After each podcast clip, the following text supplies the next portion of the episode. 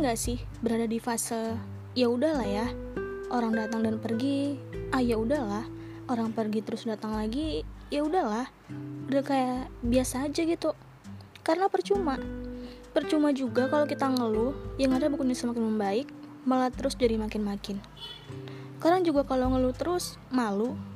Tapi bukan berarti nggak bersyukur dong. Kayak sedang dalam proses sadar diri karena nggak semua yang kita inginkan itu dapat dimiliki. Gini deh coba buat bersikap biasa aja.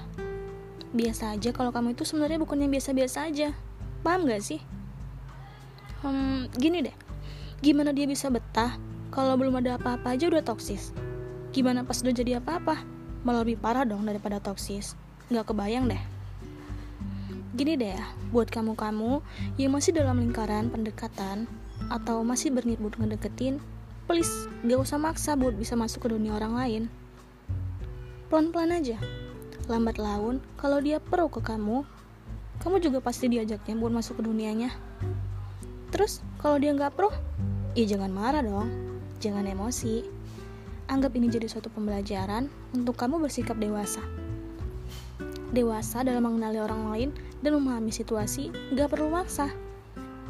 Suatu hal yang dipaksa itu hasilnya nggak akan baik, tau nggak? Jangan lagi ya, Udah saatnya kamu sadar. Sadar buat gak lagi salah mandang orang dan bersikap sewajarnya sebagaimana kamu ke orang-orang. Jangan berlebih, jangan toksis, jangan aneh-aneh, karena kamu bukan siapa-siapanya. thank you